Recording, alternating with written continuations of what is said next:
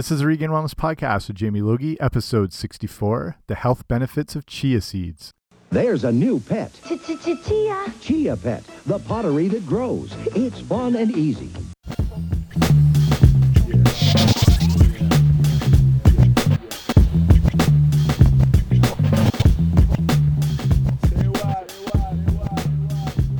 Guys, what's happening? Welcome back to the podcast. I'm Jamie Logie. I run regainedwellness.com, and this is the Regained Wellness Podcast. So thank you so much for joining me here today on your podcast listening device, whatever that may be, and wherever you may be. You could be driving, you could be at the gym, you could be walking, you could be doing laundry or hang gliding or rappelling, whatever, wherever you are.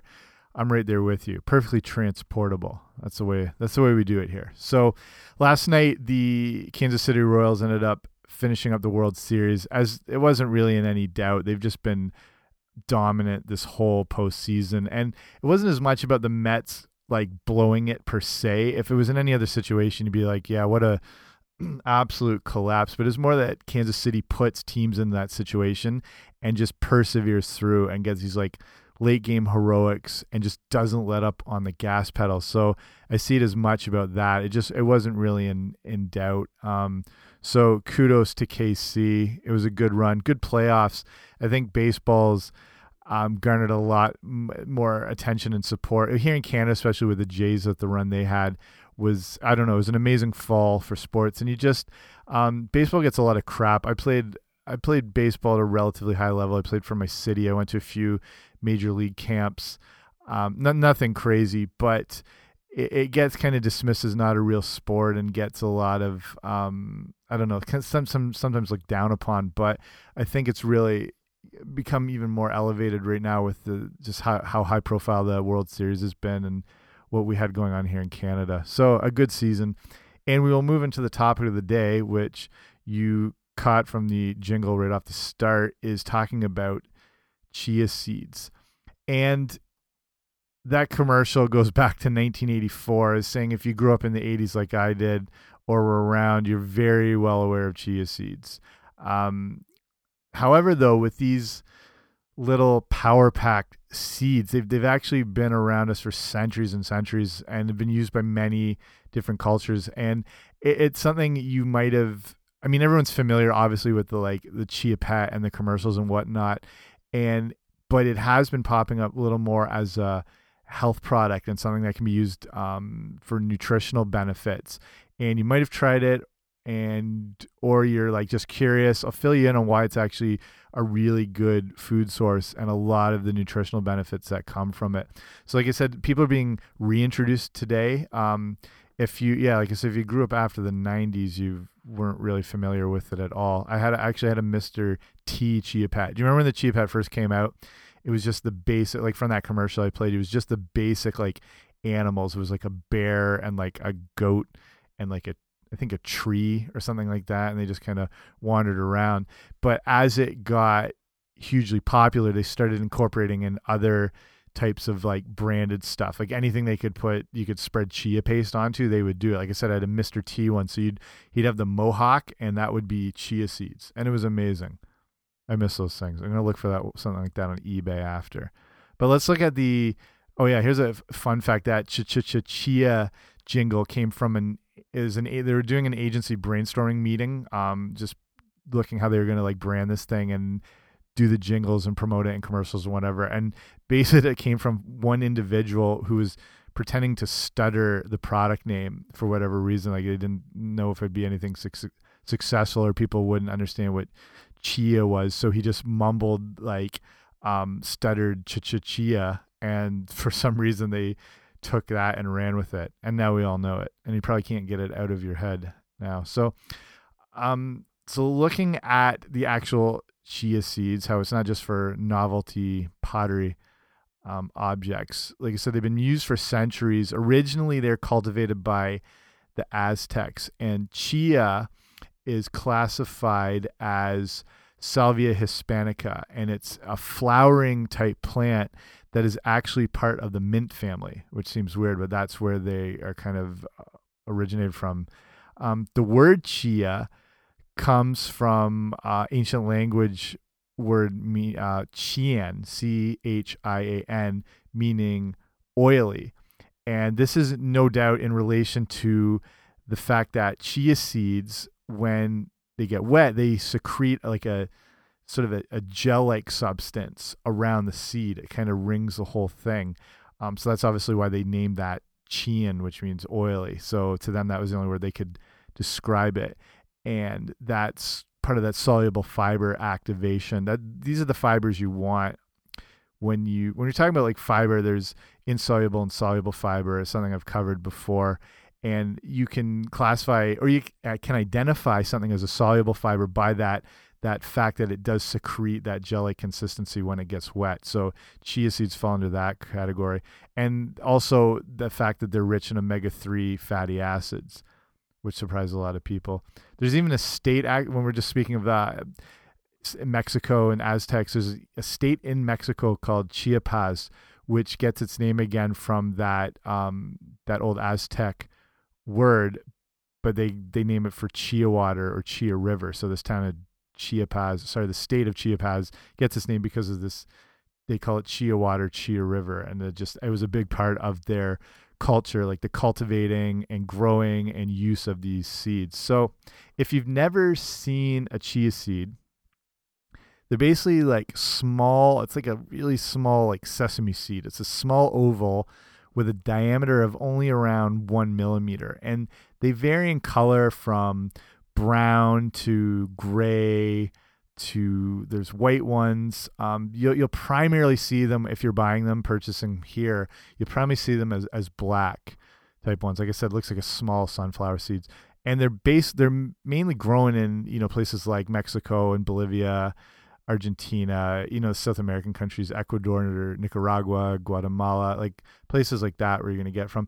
And actually now because it's become more of a worldwide sort of in, interest and demand, Australia is now the world's largest producer of chia seeds. So they come from a lot of these countries, but because they have a similar climate to South America, they are able to largely grow a ton of these chia seeds. I spent a lot of time in Australia, and there is a lot of empty space there, just like Canada the a lot of the the populations you know are centered on the outside and like in Canada we're on the west east coast kind of maintained in these certain areas and there's a lot of open land. So the Aussies aren't all Fosters and Vegemite. They do some chia seeds too. So here's some of the reasons you might want to start having chia seeds in your diet. So the main thing is they're packed with nutrition. You wouldn't think these like tiny little seeds when you look at them. You you wouldn't think they're going to contain that much nutrition, but they actually contain a surprising amount. So in one ounce, like a 28 gram serving, you're looking at it containing potassium. It's got vitamin B3, B1, and B2. It contains zinc. You've got 27% of the recommended daily allowance for phosphorus, same thing, 30% of the RDA for manganese, 18% for calcium, 5 grams of omega 3, 4 grams of protein, and 11 grams of fiber, which is insane. With a one ounce serving, it's, it's nothing pretty much, and it's so nutrient dense. It's ridiculous. It's why, I mean, chia seeds rank as the term superfoods get thrown around quite a bit. Um, you know, a lot of foods can be superfoods. They're not, you know, classified as a select bit. To me, it's anything that contains like above and beyond the amount of nutrition that you would think, you know, whether it's blueberries or kale or whatnot. But, um, you know, if you're eating real whole foods all the time, to me, those are all superfoods because they contain an abundance of the nutrients you need and phytonutrients and fiber and protein and water and healthy fats and all that stuff. But like chia seeds themselves to me honestly stand out with how varied they are in the nutrients they provide and how deep they go with those ingredients. So 11 grams of fiber, like 5 grams of omega 3s, it's unbelievable. So with look at the fiber thing first and so that serving size, that 1 ounce 28 gram serving size of chia seeds will contain a carbohydrate count but around 95% of that is the carbs in the form of fiber. So this is a whole big topic when you talk about net carbs and fibers and resistant starches and things like that. Products like, not products, like foods like these can contain carbohydrates and in other forms, you know, whether it's grains or oats or pass or whatever, those carbohydrates can be a little detrimental to the body because they are, you know, converted into sugar in your body. So they do cause a rise in, in blood sugar and insulin spikes, and they can throw things out of whack a little bit. But there are some carbohydrates like the you know the soluble fibers of the resistant starches, which basically pass through, and they're not readily digestible, so they don't cause cause these like hormonal responses. It's because some, you know, every animal and whatever has its own natural self defense, whether it's claws or teeth, but the plant world has it too. Just because they're inanimate objects doesn't mean they need to defend themselves from whether it's other insects or other plants or whatever birds, whatever's trying to eat them. So some of these things have developed this ability to be resistant going through our digestive tracts and basically to come out the other end as a way for them to survive because, you know, just because they're not thinking animate objects, they still have this desire to replicate themselves and um, survive in a sense. So they are able to avoid our digestive tract or animals' digestive tracts, come out the other end and still be, um, you know, able to produce and grow and flourish and whatever that one is doing. So in this case, when we're looking at the chia seeds, that 95% of it is in the form of fiber. So you don't need to really look at this as a carbohydrate source because it does not elicit that insulin response in the body and actually can have some positive effects for keeping insulin levels stable, which is one of the awesome benefits of soluble fiber. I'm going to link up. So today on the show notes, uh, where I link all the different stuff we're talking about, I'll put the link to the inform like the podcasts and articles I have on fiber because it's really important that I think people understand how beneficial fiber is not just about keeping you regular and all that sort of stuff, which it does, but the soluble fiber, finding how important that is for our health and our real wellness. So I'll link all that stuff, which will be on the show notes, which you get by going to www, as if you have to say that, regainedwellness.com slash 064. It'll all be there for you. Sweet. So the other reason, since it contains so much fiber, this is important in weight loss in a sense because fiber is crucial in, help, in helping you keep fuller longer. So that's when we look at the foods that promote satiety, they contain protein, water, fiber, and to another extent, healthy fats. But those three things promote fullness. So that's why when you eat like a bag of chips or something, it contains no water, no fiber, no protein, nothing. So you're hungry again in 30 minutes or whatever. Whereas like foods that like, you know, leafy greens or eggs or avocados or sweet potatoes or chia seeds, whatever, have all those things fiber, protein, water, healthy fats, and they promote satiety because they, um, they, they have a lot of bulk to them. They're slower to digest. They take up more room in your stomach. And if you're trying not to overeat, these are awesome things to help avoid that. So, um, also, fiber is important with healthy gut bacteria, which helps with your overall health, your digestion, um, your well-being. We're we're seeing the gut health thing is is such a huge topic, but we're learning how important that microbiome is in your small intestine, and that's where all the digestion happens, and that's where inflammation can be caused by bad foods and you know high fructose corn syrup and aspartames and chemical additives, all that crap but these you know healthy gut um, promoting foods help us to um, digest our food better absorb it better get better use of the nutrients. And when we have a better balance of that the good gut bugs to the bad gut bugs it helps um, again fight that inflammation. It's linked with um, finding out how tied in the brain is with the gut that two-thirds like our neurotransmitters are made like serotonin and um, endorphins, all that sort of stuff are made. Two thirds of those are made in the gut. So they're calling the gut the second brain. So the more you can promote gut health, um, the better your overall health and wellness will be. And this will only just continue to grow and grow more and more as we're learning more about it, which is pretty fascinating stuff. So I mentioned that chia seeds have a high omega 3 content and like I said, the five grams for that one ounce, which is amazing. So, gram for gram, chia seeds contain more omega 3 than what's considered the king of omega 3s, which is salmon.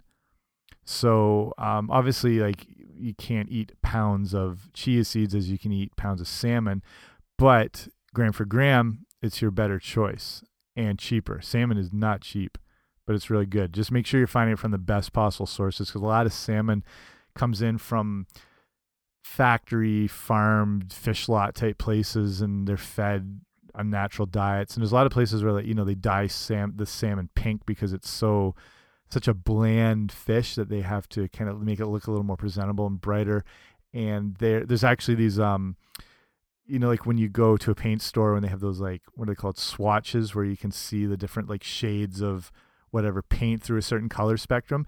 These same things exist for fish for salmon farms. They have this like fan of the different levels of like the pinkness that they can choose to like dye into the um the salmon, which is kind of ridiculous. But with the chia seed issue in omega 3, they contain ALA, which is not the most beneficial form of omega 3. You you want to look primarily for EPA and primarily DHA, which is a benefit of fish, fish oil, grass fed beef and whatnot. Humans have trouble converting ALA into EPA and DHA, which animals like cows and fish, that, that's what they do. They eat grasses and whatever that are rich in that ALA, and then they convert it in their bodies, and then we consume those animals, and then we get that better form of the omega 3. But we're learning that we're actually making some better use of the ALA, even though we have trouble converting it. There still are those um, benefits that come from it. So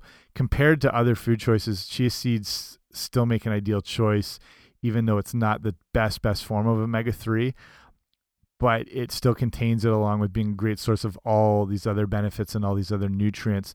And you know, when you're getting good omega threes, you're getting, you know, it helps um, lower your bad cholesterol. It's good for promoting hormone growth. It's good for you know things like even your skin and your hair and your nails and your joints um, all that sort of thing. You know, and it fights inflammation in the body, which is kind of the root of all disease and is inflammation. So when you're looking at omega threes, whether it's a fish oil or you know real fish, it's kind of like taking nature's anti-inflammatory when you're consuming those things. So the chia seeds don't have it in the basically the richness or the the purity that um, say like uh, fish oil would have but it contains a really clean source of it that we still get a benefit from while providing a lot of other benefits. So, not downplaying it at all here. So, the next thing so, chia seeds actually um, have the ability to combat diabetes because of that high fiber content. They, and remember, I mentioned about those foods that promote satiety and fullness because they have, you know, protein, water, fiber because of that high fiber content or in other foods, but specifically here with chia seeds, they that high fiber content is it causes a slower digestion without that surge in the blood sugar, you know, which leads to insulin release, which over time can result in insulin resistance, and then you're looking, you know, at type two diabetes and then a whole whack of problem. So it makes chia uh, chia seeds, however you use them, in a, a great combatant in fighting blood sugar surges, whether you suffer from diabetes or not. You want to, if a, a, kind of a rule of thumb is eating like a diabetic is a good way to go because you want to avoid those foods that cause those blood sugar spikes. You want to keep things under control as much as possible. So avoiding those high glycemic foods, you know, white pastas and white bread and white rice and anything white basically, refined sugars, avoid those like the plague to keep those blood sugar levels under control. Looking also at chia seeds, they have the ability to improve your heart health. And research from the Cleveland Clinic, which I can link up again on the show notes, have shown that the chia seeds have the ability to improve blood pressure in diabetics. Again, an, another amazing food choice for people who do suffer from that. So, they the chia seeds may also have the ability to help lower cholesterol, like I said, from the omega three content, um, so specifically themselves, the chia seeds are able to lower your total LDL and total triglyceride cholesterol level.